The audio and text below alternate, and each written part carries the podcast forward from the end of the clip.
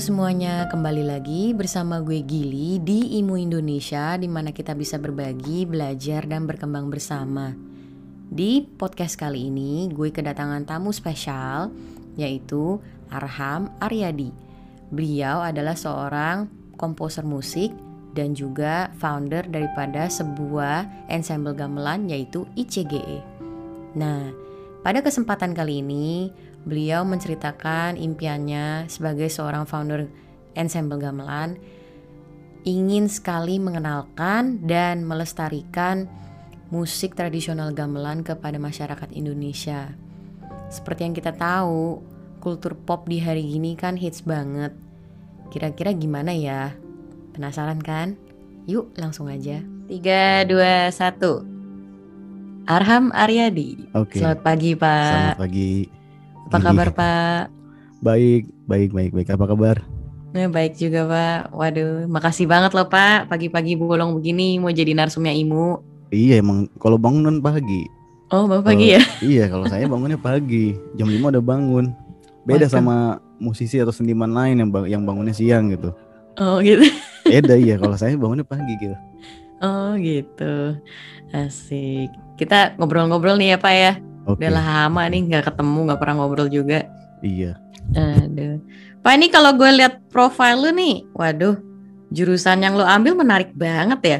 Udah lu tadinya eh, S1 barengan sama gue ngambilnya music composition, terus gue lihat nih lu S2 ngambil urban art study. Ini pilihannya nggak common banget sih menurut gue. Pertanyaan gue yang di sini adalah ketika lu mutusin ngambil dua jurusan ini, keluarga lu tuh fully supported atau menentang gitu? Karena agak Ini- agak berbeda iya, iya. sama jurusan-jurusan yang kayak ekonomi, manajemen gitu-gitu loh. Ini menarik sih, ya. Kok kayak gue sih kayaknya beda dengan orang-orang lain kayaknya gitu. Kalau gue memang 100% di support. Gitu. Jadi eh, apa? Awalnya kan gue nggak nggak nggak niat pengen kuliah gitu sebenarnya ya. Kalau jujur ya, kuliah apa pun itu mau kuliah musik, akuntansi yang tadi disebutin. Pengen karena dari apa dari kecil sampai SMP SMA ya memang suka bermusik jadi yang ngeband ngeband sampai bikin album ya ikut industri musik populer cuma ikut apa lomba-lomba juga juara ya di sekolah suka dapat penghargaan dari sekolah dari apa dari lomba-lomba itu ya nah dulu memutuskan sih ya udahlah bermusiknya tuh nggak usah nggak kepikiran bahwa ada ada apa istilah kuliah musik gitu nggak nggak tahu. Nggak tahu tuh kalau ada kuliah musik di ya pertama UPH ya. Ada kampus musik itu di UPH eh tiba-tiba pas habis lulus kan sempat ini ya bingung gitu mau ke mana kan. Eh didaftarin di UPH gitu sama keluarga gitu. Khususnya sama ibu ibu saya ya. Ibu gue lah almarhum ya baru Hmm. meninggal kan. Oke. jadi dia yang daftarin gitu kok didaftarin UPH tuh mahal? Nggak yang kepikiran pertama tuh UPH tuh mahal. Ya. UPH tuh mahal. Udah tau lah semua orang lah pasti UPH tuh mahal. Gak usah lah masuk belajar musik aja sampai semahal itu ya kan? Maksudnya udah nggak apa-apa kuliah aja. Ya udahlah kira ikut daftar. Daftar itu pertamanya bukan komposisi malah gitu gue masih simpen tuh formulirnya. Gue daftarnya itu karena gue gitar kan dari dulu ya gitar elektrik terus gitar klasik sama sound design. Nah tiba-tiba ketemu sama dekannya kamu pernah bikin karya musik nggak? Pernah. Mungkin karena mungkin komposisi kesepi peminat kali ya mungkin ya. ada nah gue kirim lah. Nih, saya- nih pak karya saya pak. Nah dari situ dipanggil.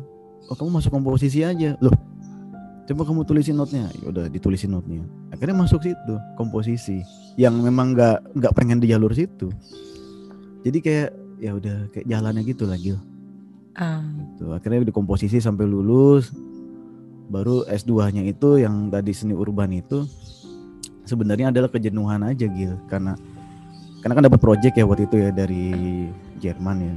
Kan duitnya lumayan gede lah nah duit ini mau dipakai apa? Ya mendingan dipakai buat kuliah gitu kepikiran. Akhirnya coba daftar karena jenuh dengan musik ya. Nggak mau kuliah musik lagi kan kalau seni urban itu kan semua seni kan. Ada tari ada teater ada ada seni rupa ada seni sastra film. Ah, coba ah nice. pengen tahu apa jenis musik lain gitu. Kayak gimana sih apa bidang seni musik lain tuh penasaran gitu bosan juga ya. Siapa tuh bisa kolaborasi atau bisa bikin juga film bikin juga karya tari gitu. Ya udah coba daftar gitu. Kah kebetulan juga kenal dengan para pengajar apa profesor dan doktor di situ. Ya, emang ini bagus-bagus nih. Karena kan gue dari dulu juga suka dengan apa disiplin ilmu seni lain ya nggak cuma musik doang gitu. Ya walaupun awalnya memang tahunya cuma musik cuma lama-lama suka baca sastra baca apa Nice. istilahnya lihat literasi film terus lihat literasi tentang seni rupa pernah kolaborasi juga ya akhirnya tertarik buat pengen tahu gitu seni lain tuh seperti apa nggak kayak kayak- kayaknya musik kurang lah awalnya gitu sih Gil. dan orang tua Nice. tuh support support dan Wah. nggak nggak kebayang mereka malah sampai S2 gitu nggak kebayang karena kan awalnya nggak pernah nggak pernah mau kuliah Hmm, kok bisa kuliah sampai S2 udah gitu niat sendiri lagi. Nah itu yang agak mereka aneh gitu. Mm, mm, makanya pas wisuda kayaknya mereka ya udahlah biasa-biasa aja. Nggak terlalu wah surprise banget gitu. Enggak ya udah. Gitu gitu. Jadi ini dengan dua jurusan yang udah cukup unik banget bisa jadi bekal untuk lo hari ini buat menghasilkan di karir lo yang hari ini. bekal ilmu ya kalau gue sih karena gue sekarang dosen ya gitu jadi gue tahu kalau di kuliah itu yang kita dapat itu ilmunya cuma 30% memang. Ya setelah gue pikir apa gue teliti ya 30% itu di kampus 30% itu di luar kampus 30% itu pengembangan dari diri kita sendiri.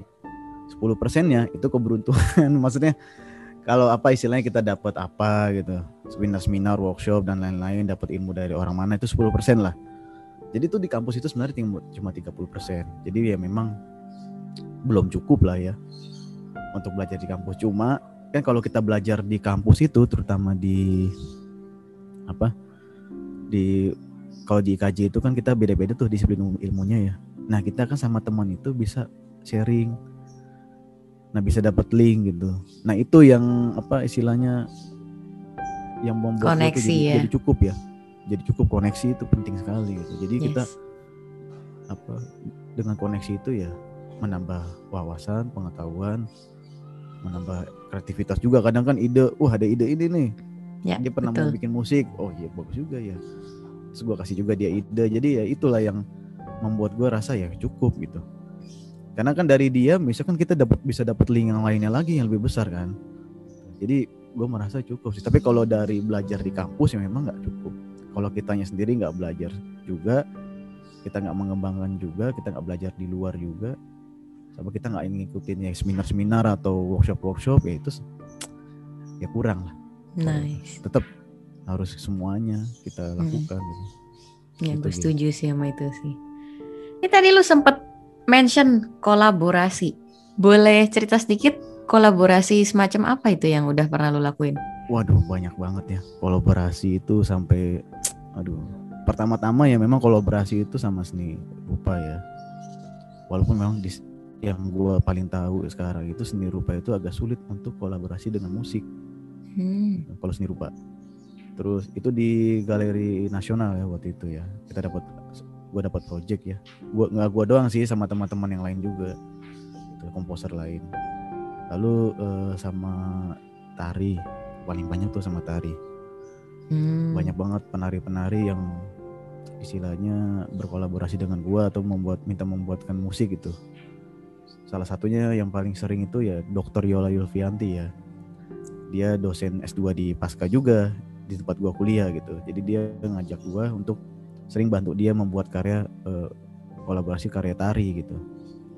Dan kita juga pernah bikin ini juga kayak apa dance circle lab gitu. Kayak ada labori- laboratoriumnya gitu. Jadi kita bukan bukan hanya gua bikin musik doang enggak. Jadi eksplorasi bareng lah di situ. Ah. Sampai juga dia juga nggak tari juga ya karena kan dia dokternya tuh tari film tari ya. Dia ada filmnya juga ya kadang gue bikin film juga akhirnya terus kadang dia juga sempat diundang teater juga gue bikin teater juga jadi kalau di kalau sekarang itu seni itu kayak gitu Gil nggak nggak dikotak-kotakin gitu kadang orang koreografer bikin buat film koreografer bikin teater. Kadang kayak gue komposer gue bikin karya teater. Yang kemarin tampilin di tim ya yang apa demokrasi di atas pasir itu kan karya teater gitu musik teater. Jadi sekarang ya itulah makanya kalau uh, masih dikotak-kotakin lagi kesenian itu sebenarnya kalau zaman sekarang tuh agak apa ya karena mereka semua saling berhubungan. Yes. itu antara film, tari, teater dan uh, sastra dan lain-lain ya dan seni lain. Jadi ya itu harus uh, terbuka sih kita. Makanya banyak banget kolaborasi dengan teater tuh di Samarinda terakhir kita di Samarinda di Pekan Teater Nasional. Udah itu yang sebelum corona yang istilahnya terakhir lah dengan teater itu baru habis itu ada corona semua langsung stop. Kayak gitu ya. Ini kalau gue boleh nanya lagi nih, kalau gue lihat dari profile lu nih, lu tuh seorang founder dari sebuah ensemble ICGE, Indonesian Contemporary Gamelan Ensemble. Wow, ini lewat ensemble ini, lu tuh mau ngenalin uh, jenis musik seperti apa sama masyarakat? Kalau boleh cerita sedikit, visi misi ICGE ini apa ini? Sebenarnya sih isi ICGE ya, jarang gue pakai Inggris nggak apa-apa nggak apa kayak kan kalau orang luar bilang ya ICGE juga sama kalau ICGE ini memang awalnya dibentuknya itu hanya untuk uh, menyebarkan kesenangan kita atau kecintaan kita sama gamelan gitu. Gitu aja sih awalnya. Bahwa pertama kali gue kenal gamelan itu kan juga nggak sengaja gitu gue nggak tahu itu ada alat musik gamelan. Karena kan yang gue pelajarin kan alat musiknya ya hanya gitar. Udah gitu masuk UPH alat musik barat ya. Ya alat musik barat ya violin string section apa woodwind segala macam brass. Dan di UPH itulah gue pertama kali kenal gamelan gitu hmm. jadi ketika gue jenuh ya dengan karya-karya yang menggunakan alat musik barat semua. Di UPH tuh udah wah ya berarti berasa lah. Pasti lo tau lah gila kalau di UPH itu alat musiknya semua barat semua. Nah tiba-tiba gue lewat salah satu ruangan eh, kok ini ada alat musik apa nih? Oh ini kayak gue pernah tahu mungkin kayak pernah lihat gitu. Oh ini gamelan. Wah gue pukul bunyinya wah menarik ya. Jadi awalnya itu ternyata gamelan itu bunyinya tuh menarik pertama itu unik bunyinya itu. Jadi dari bunyinya dulu gitu. Ke apa istilahnya gue jatuh cinta. Pertama kali sama instrumen itu alat musik gamelan itu kan pertama dari bunyinya. Oh bunyinya beda ya.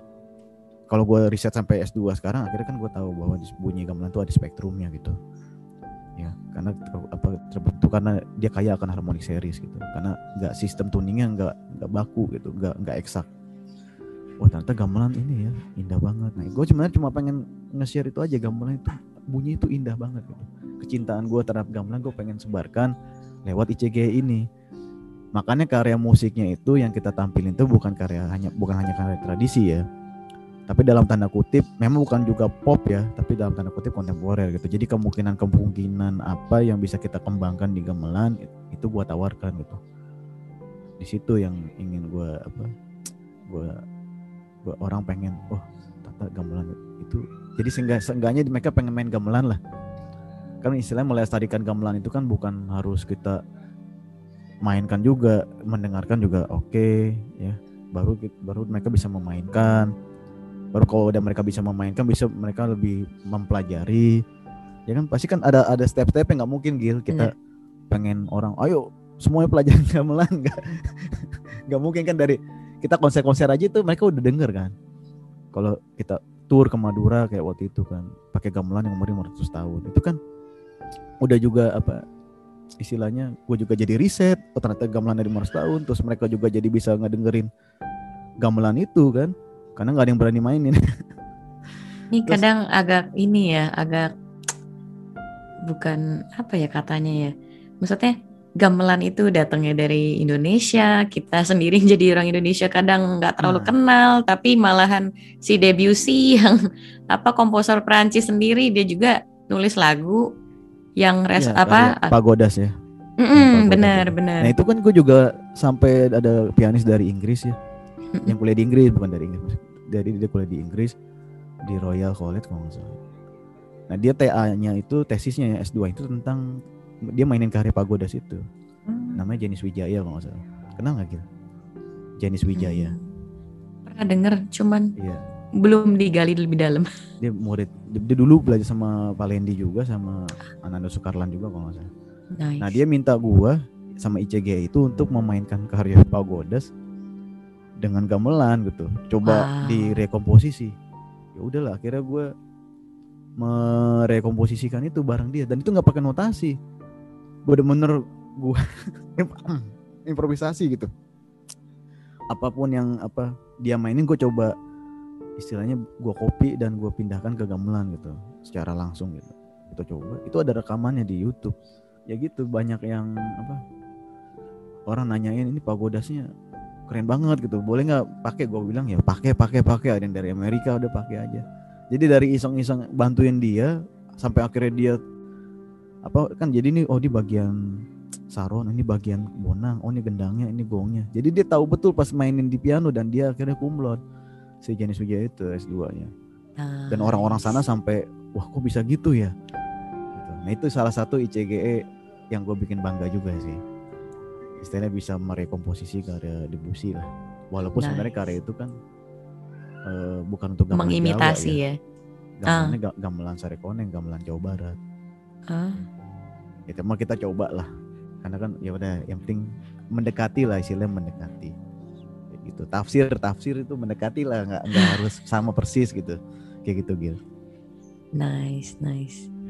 Nih, menurut lu sebagai seseorang yang pengen ngangkat dan ngenalin kultur apa musik tradi tradisional lewat gamelan ya, lewat ICGI ini di zaman sekarang, di mana kultur pop asing yang begitu hits, sulit nggak sih? Apa aja yang jadi tantangan yang buat lo hadapin? sebenarnya agak agak ini ya agak apa namanya kalau cross gitu.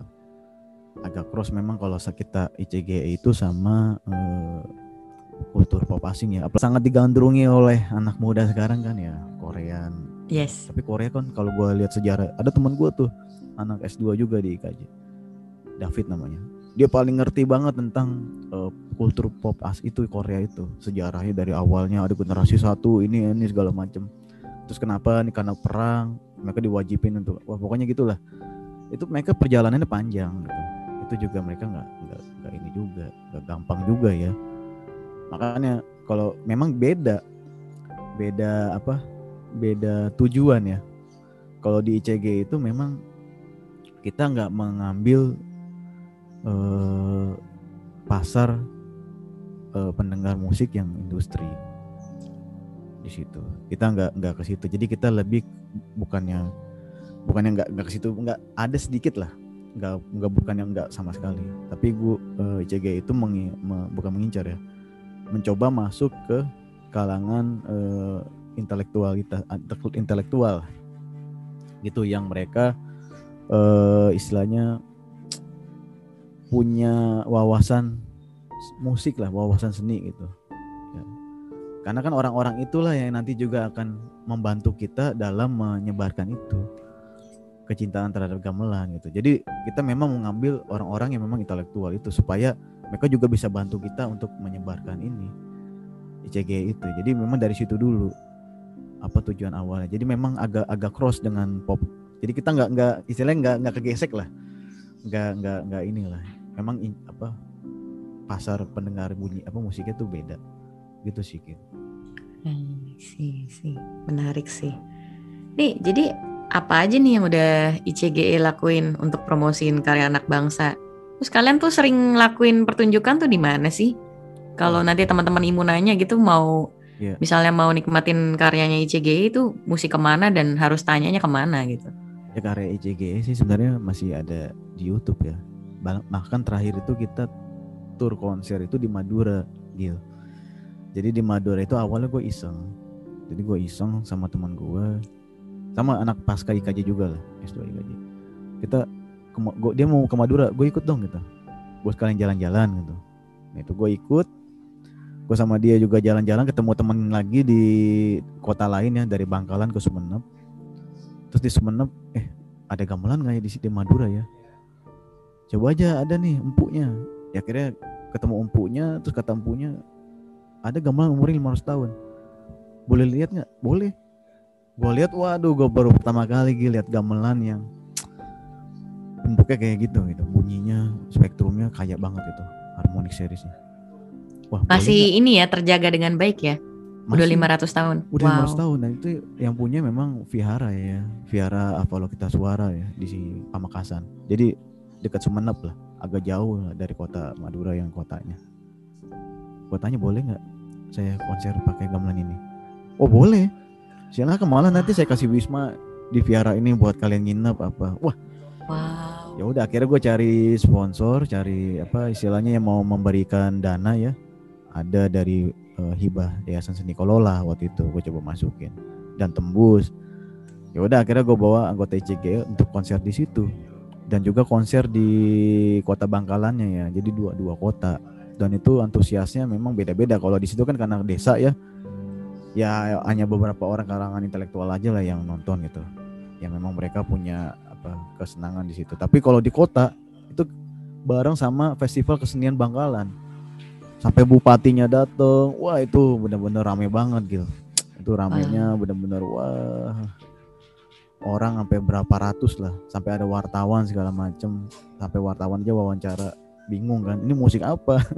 Kok gamelan musiknya bisa kayak gitu gitu. Masuk koran juga di tagline korannya Arham komposer uh, memainkan gamelan membuat apa masyarakat bingung udah ini latihan apa udah mulai jadi tagline sampai kayak gitu jadi sampai seniman yang dituakan lah yang di Bangkalan itu bilang namanya uh, Om Darsono ya. Ya memang masyarakat di sini belum siap dengan musik kayak gitu ya. Tapi kan ya gue kan balik lagi ke gitu Bil. Maksudnya gue sebenarnya memang kalangannya intelektualitas makanya memang banyak yang memang belum siap dengan musik seperti itu dengan musik gamelan yang seperti itu ya istilahnya. Belum siap tapi kan gue bilang ya nggak apa om. Saya ini istilahnya ya namanya kenalan ya ya karena belum kenal aja kan mereka belum siap gitu lama-lama kan kalau misalkan nanti ada lagi orang yang mau kayak gitu mereka udah tahu oh dulu ada tuh komposer namanya Arham yang pernah main karya kayak gitu aneh-aneh istilah gitu lah jadi mereka sudah siap gitu ya kalau ya, namanya kan baru kenalan nah dengan musik yang seperti itu gitu sih Ya, tak kenal Kalau, maka tak sayang tak ya. Tak kenal maka tak sayang gitu. Ya, selama ini sih masih di YouTube ya musik-musiknya. Sebenarnya gue mau bikin film. Waktu itu kan ada ada orang dokumenter yang ikut mendokumentasikan semua perjalanan kita. Bahkan pas gue riset juga gue kan bikin dokumenter juga. Tadi gue mau bikin film dokumenter itu. Ya memang sekarang hmm. ada di Instagram sih. Gue gua uploadin cuma setengahnya doang. Itu di Noise Island gitu kalau nggak salah apa itunya akun Instagramnya noise.island itu kayak perjalanan cuma belum sampai konser gue coba pengen bikin film itu aja sih datanya udah ada semua gue pengen kalau itu film jadi seenggaknya wah ternyata kalau konser gamelan kayak begini ya sampai riset dulu. Terus yang nonton juga kadang ada yang rame kadang ada yang sepi terus ke apa kesulitan dan ke apa hambatannya apa aja. Itu sih gitu gue pengen coba di film itu. Terus kesenangannya apa kalau tur cuma ya ada ada sedikit masalah lah sama ininya editornya aja. Maksudnya editornya kita belum benar-benar dapat yang bagus lah editor yang mau kita pakai gitu. Hmm. gitu sih gitu. Waduh ditunggu ya pak ya ya makanya karena corona juga gitu makanya kemarin udah ada lagi editornya cuma karena corona ini lagi ya. memang corona ini banyak menghambat dari mana-mana ya. Ya betul banget, betul banget. Aduh. Wah, bener-bener gue gue excited banget sih. Ntar kalau sampai udah mau ini tolong di posting ya Pak ya. Biar teman-teman iya. Imu juga bisa lihat juga. Tadinya mau lagu mau gue puter kalau udah jadi itu di tim. Kan di tim itu kan ada teater yang khusus muter film-film kayak gitu. Gue pengen puter di situ, pengen undang orang-orang. Ya cuma namanya kan kalau kita apa ya namanya kurang ini ya ini kurang belum belum saatnya lah kurang beruntung lah istilahnya bisa bisa bisa nanti pasti lah, bisa datanya uh, sih masih bisa. ada itu sayang banget kalau hmm. oke oke oke nih uh, menurut lu kira-kira kiat apa nih yang bisa kita lakuin nih sebagai edukator musik di Indonesia supaya nilai musik tradisional Indonesia tuh gak luntur nggak hilang juga di generasi-generasi berikutnya. Karena kayak lu tadi bilang, apa kita kuliah aja kita megangnya alat musik yang udah ke barat-baratan gitu kan. hmm Apalagi anak-anak sekarang gitu. Ini contohnya aja ponakan gue deh yang paling paling sederhana gitu. Dia sampai ngomong begini, Anti ngomong apa sih? I don't understand bahasa Indonesia gitu. Iya, itu ya ya itu emang terjadi ya. Kita nggak bisa bohong juga. Oh itu enggak enggak enggak emang itu kejadian saat ini kayak gitu ya. bahkan anak gua sendiri pun gua nggak mau kayak sampai kayak gitu ya. Radit where are you? Gitu enggak lah. Maksud gue tetap pakai bahasa Indonesia. Gue juga tetap istilahnya eh, istilah mendengar dikasih dengar dulu Gil. Kalau memang kita eh, ingin masyarakat atau generasi muda ya generasi penerus lagi penerus bangsa itu itu bisa ya kita nggak mau nuntut semuanya sih Gil. Harus ayo semuanya satu Indonesia bisa melestarikan. Enggak enggak seenggaknya ya 5% aja itu udah cukup banget. 5% itu. 5% itu udah udah susah ya. Paling satu persen lah dari seluruh penduduk Indonesia yang mungkin tertarik dengan kesenian tradisi.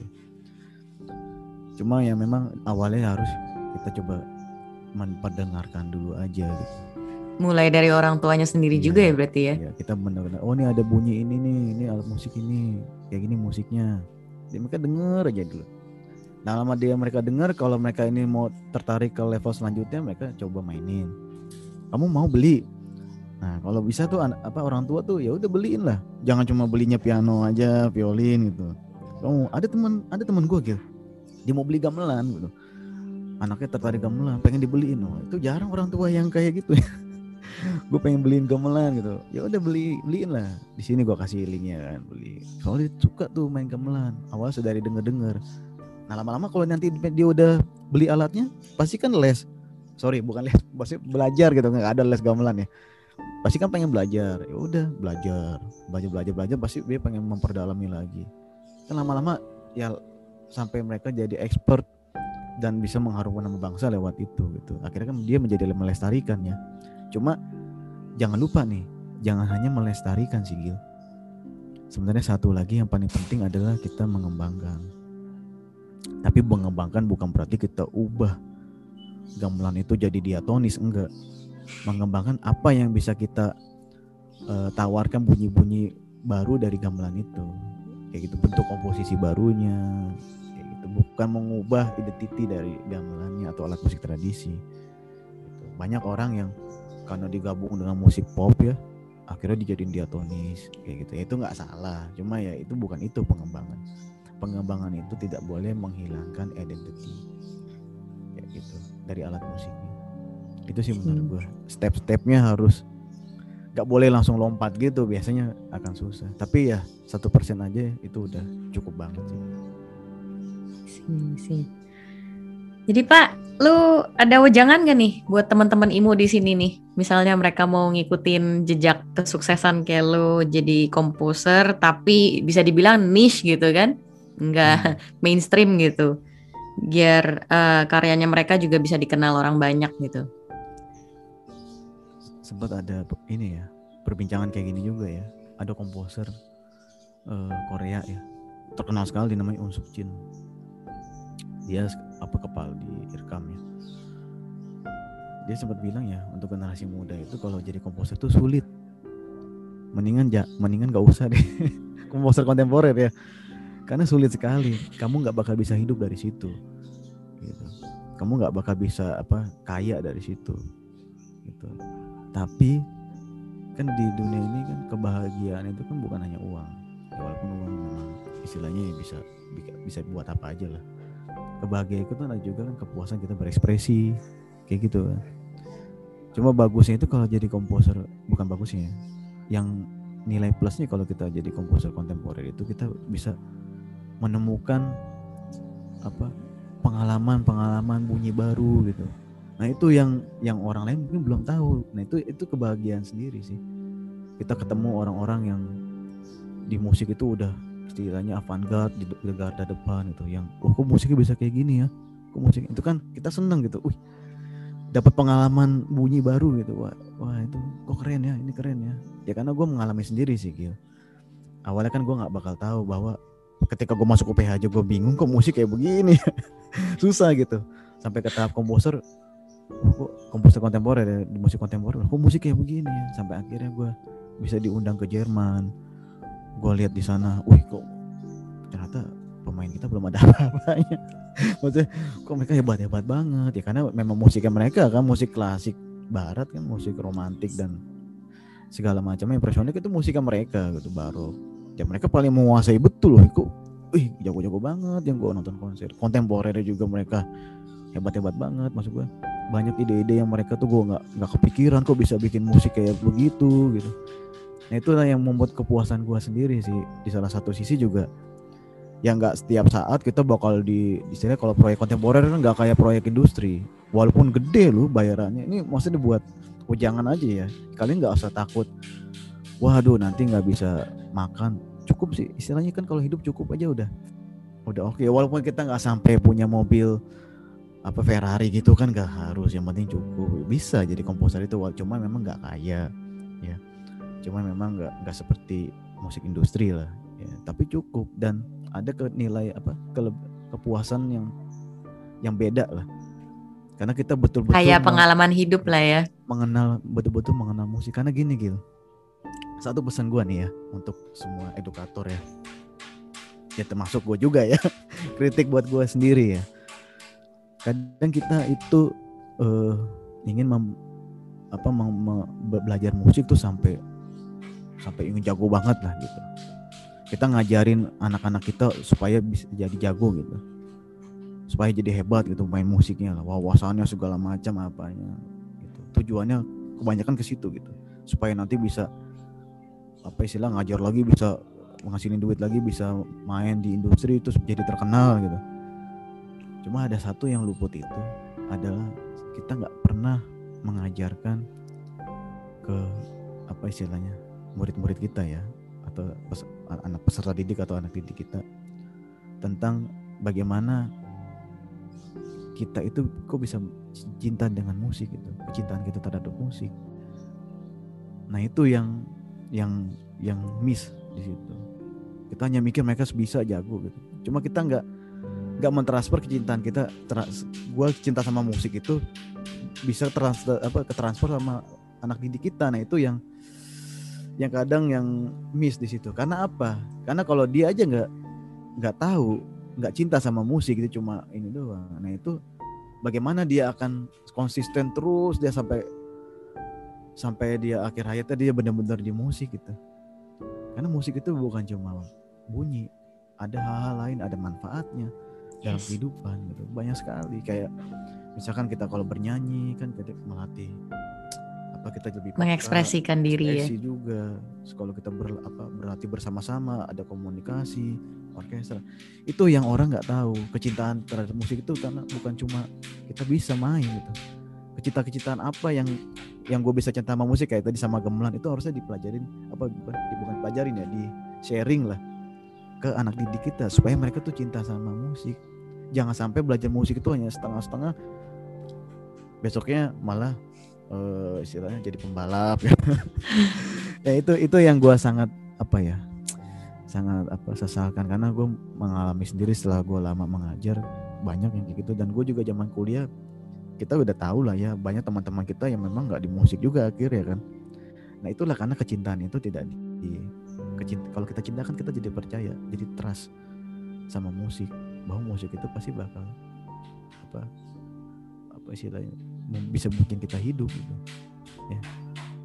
Nah kalau kita setengah-setengah percaya ya pasti kita beralih ke yang hal yang lain. Ya gue nggak nggak melarang itu sih karena kalau belum yakin. Cuma agak sayang aja waktu yang udah dibuang-buang.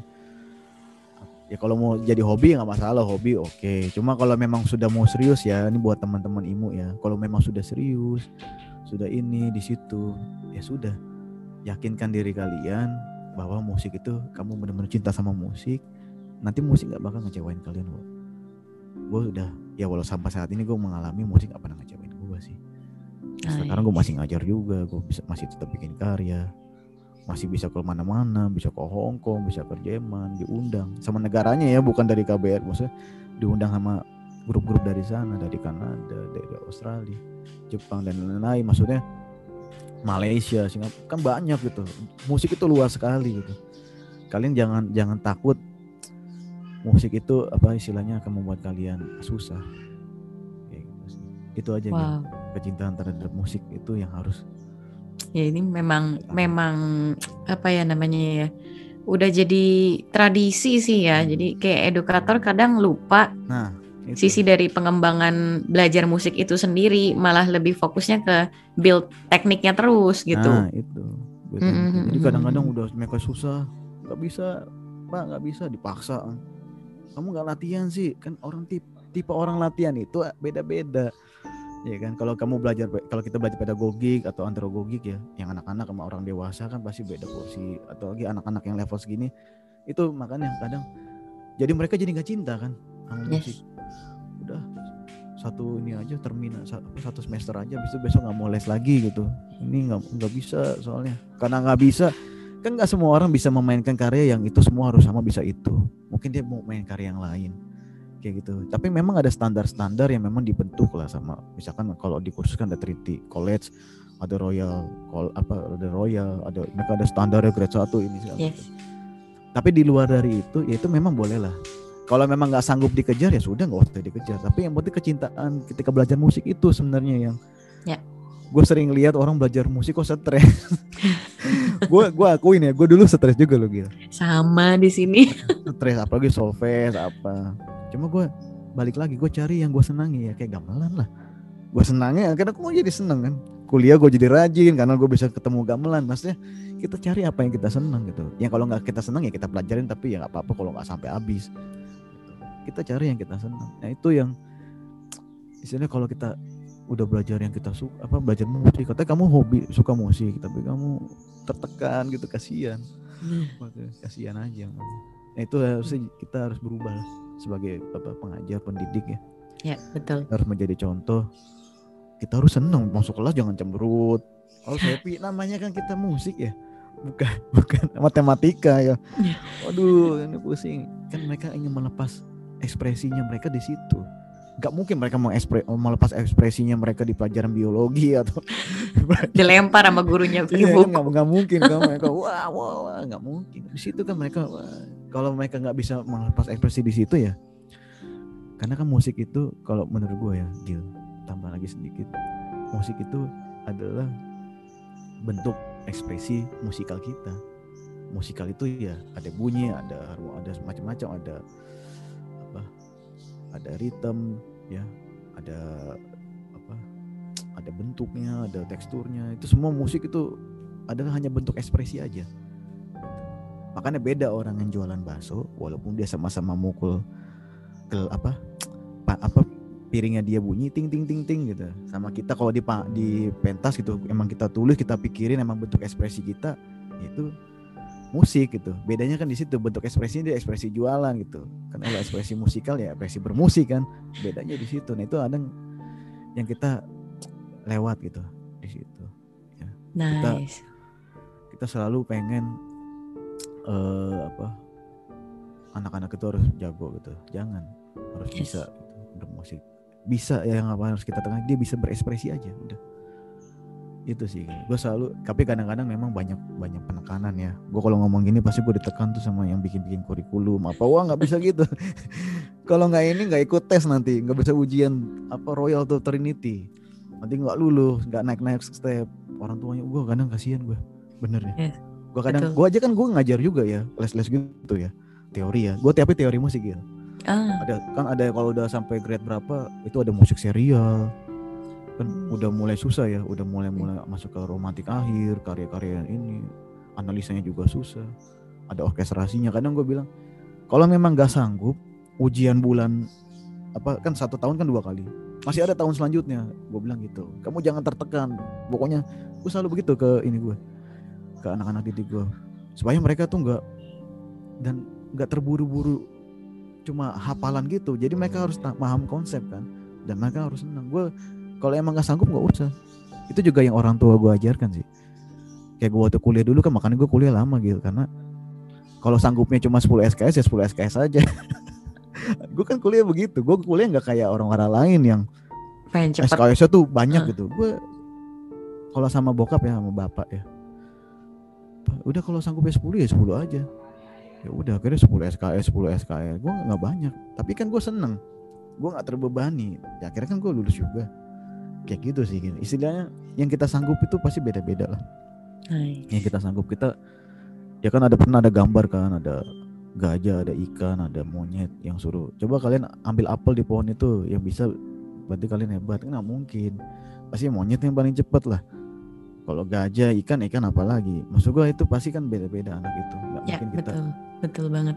apa istilahnya mereka harus sama gitu Iya. dapatnya 90 semua ya itu kan hanya nilai ya Ini patut didengar ya teman-teman imu ya. gue memang agak keras sih gitu kalau yang menyakup masalah kesenangan dalam bermusik ya gue selalu keras di situ gue nggak mau orang belajar musik tuh sampai stres kasihan maksudnya musik itu kan bukan untuk menekan Yes, musik itu betul, kan untuk kita bisa bikin happy betul, gitu sih. betul banget. Oke Pak, kita udah sampai di penghujung acara. Ada satu Oke. lagi pertanyaan terakhir buat lu nih. Apa Oke, nih impian ke depan seorang Arham Aryadi sebagai music composer? impian ya ada dua sih Gil impian gue Monggo. kalau pertama ya masalah menyangkut masalah akademis ya gue pengen apa kuliah lagi lah kuliah S3 gitu gue pengen pengen pengen belajar masalah teknologi ya. Karena kan gue lemahnya di situ. Di di sinilah lemahnya teknologi kita kurang menguasai lah. Gue pengen membuat itu lah artificial intelligence gitu. Gue sebenarnya lagi buat juga artificial intelligence gitu kecerdasan buatan. Gue eh, masukin membuat rumusnya dulu ya kok apa membuat apa rumusnya dulu algoritma algoritmanya. Gue coba masukin gamelan waktu itu sampel dari teman gue di Spanyol. Gua coba masukin. Nah nanti mereka main sendiri tuh komposisinya. Nice. nanti gue kirim ke lu kalau emang lu pengen lihat gitu jadi mereka main main sendiri gitu komposisinya. Tadinya gue awalnya buat itu karena gue suka lihat orang tari itu suka kesulitan kalau bikin musik ya kan? Mereka kalau ada ide apa kadang nggak nyampe ke gue gitu. Gue kadang juga nggak enak juga kan. Gue pernah dikritik. Waktu gue bantu ada teman namanya Jos ya di Saliara. Katanya musik gue terlalu kuat. Nah gue coba buat itu biar orang tari itu coba bisa pakai software gue itu apa artificial intelligence gue itu buat mereka tuh coba membayangkan. Mereka masukin bunyi bunyinya nanti mereka olah komputer yang olah. Nah gue cuma pengen pengen buat itu sih. Bukan berarti gue nggak percaya manusia lagi ya untuk memainkan itu enggak cuma ini kan kalau teknologi itu kan satu salah satu fungsinya adalah agar efisien. Itu dulu sih. Sebenarnya gue pengen, pengen belajar S3 itu untuk mengembangkan itu. Supaya lebih Nice. efisien saja. Terus yang harapan gue yang kedua ya sebenarnya sih di di karya komposisi ya. Gue pengen apa ICG itu benar-benar jadi kelompok yang ini ya. Memang kelompok yang yang yang resmi gitu ya yang bisa didukung oleh pemerintah. Kayak gitu kita punya tempat sendiri kita bisa eksplorasi di situ. Kita punya gamelan sendiri bahkan gue pengen bikin gamelan sendiri juga. Yang memang Wow. tuning sistemnya. Gue sempat itu juga mikir itu tuh buat S3 gue di Hong Kong. Cuma kan kemarin Hong Kong apa ekstradisi terus corona. Gue sempat daftar gitu Ah, gue gue apa proposal apa doktoral gue itu tentang itu tentang apa pengen buat gamelan dari bentuk yang kuno kan gue ada riset bentuk-bentuk gamelan kuno kan nggak kayak gamelan sekarang. Gue pengen bikin lagi gue udah ketemu empunya tapi tuning sistemnya kan karena bilahannya hilang-hilang gue coba pengen mendekati itu. Tuning sistem yang baru. Nah itu juga itu salah satu impian gue gue pengen bikin gamelan sendiri. Itulah sama ICGE jadi nice. secara akademik gue pengen belajar lagi teknologi secara kepuasan gue sebagai seniman gue pengen membuat gamelan sendiri dan ICG menjadi salah satu pionir untuk eh, istilahnya me- melestarikan dan mengembangkan gamelan lah gue pengen biasa. tour ke keliling dunia memperkenalkan gamelan yang kuno itu itu sih salah satu impian gue itu agak susah kayaknya Bisa pasti Pak. agak susah ya Diyakinin dan dikejar terus. ya memang harus yakin betul tadi kan gue udah Pasti. bilang yakin harus yakin harus yakin dan usaha ya Oh. Gil ya Betul, pasti harus harus juga. dimanifest terus di pikiran dan dikerjakan pasti bisa. Jadi Pak, thank you banget buat Oke, waktunya, Gil. buat sharingannya ini benar-benar wah menarik banget sih. Lah. Pasti bermanfaat Pak. Ini Pak, jadi kalau nanti teman-teman imu nanya gitu, "Eh, Hmm. Gil mau ngobrol dong sama Pak dosen nih, Hmm. mau konsultasi mungkin mengenai gimana caranya mau Hmm. jadi membernya ICGE atau apa pun yang berhubungan dengan musik kontemporer, Hmm. bisa reach Bapak ke mana nih Pak? Itu ada ada kontak number sih di website ya. Di kalau Boleh tolong disebutin? www Arham Aryadi ya. Nama saya Ah. www.arhamaryadi.com. Itu kalau di profile tuh di paling bawah itu ada nomor WA. Nanti bisa bisa langsung ke situ aja sih. Kalau Instagram Pak, soalnya anak sekarang banyak kan Instagram Pak. Instagram. Instagram memang jarang buka juga. Gue Oh, kesannya anak-anak udah lama gitu. Enggak. Maksudnya bisa sih Instagram at Arham Aryadi atau enggak Instagram ICG aja. ICG Oke. Ensemble. Dua itu. Terima kasih teman-teman Imu Indonesia yang telah menonton podcast kali ini. Jangan lupa tekan tombol like dan subscribe. Apabila bermanfaat, silahkan di-share. Dan jika teman-teman ingin mengikuti perkembangan Imu Indonesia, silakan follow kami di Instagram @imu underscore Indonesia. Dan juga bisa di Facebook page kita di intelligence, and music. Sampai jumpa kembali di episode berikutnya.